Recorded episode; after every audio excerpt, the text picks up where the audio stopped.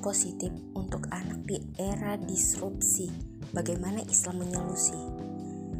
Era disrupsi digital, anak-anak sangat rentan terhadap dampak negatif yang ditimbulkan.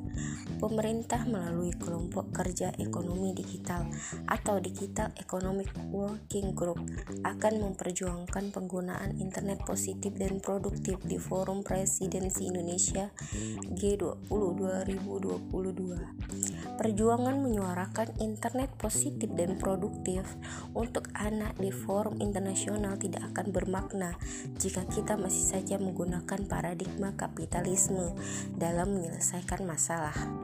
Perlu ada peran semua pihak untuk mencegah anak mengakses konten dan situs yang mengganggu tumbuh kembang dan kepribadian mereka.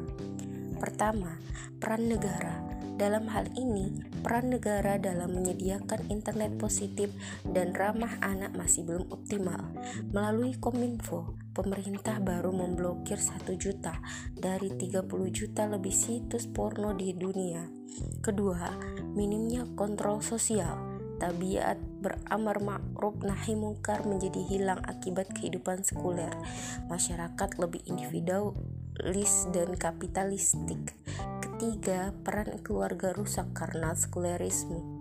Mustahil kita mengharapkan internet positif dan ramah anak di sistem sekuler. Pertebarannya konten porno, kejahatan seksual digital, prostitusi online, hingga penyimpangan seksual sejatinya bersumber dari ideologi kapitalisme sekuler itu sendiri. Dalam Islam, teknologi digunakan untuk memudahkan pekerjaan manusia. Negara akan melakukan berbagai upaya agar teknologi tidak menjadi malapetaka pada masa mendatang.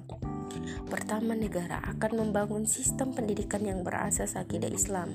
Kedua, melalui Departemen Penerangan, negara akan memblokir seluruh akses yang mengarah pada kemaksiatan, pornografi, kejahatan, kriminalitas, penipuan, dan seluruh kegiatan digital yang menyalahi syariat Islam.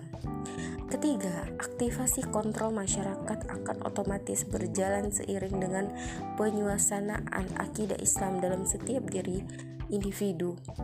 Keempat, peran orang tua. Dalam hal ini, orang tua harus mendidik anak-anaknya dengan akidah yang kukuh Penanganan tanpa pencegahan yang mendasar tidak akan efektif manakala solusi yang ditawarkan masih berkiblat pada kapitalisme, apalagi berharap pada forum-forum internasional negara kampiun ideologi kapitalisme. Tidakkah cukup kerusakan akibat penerapan ideologi ini?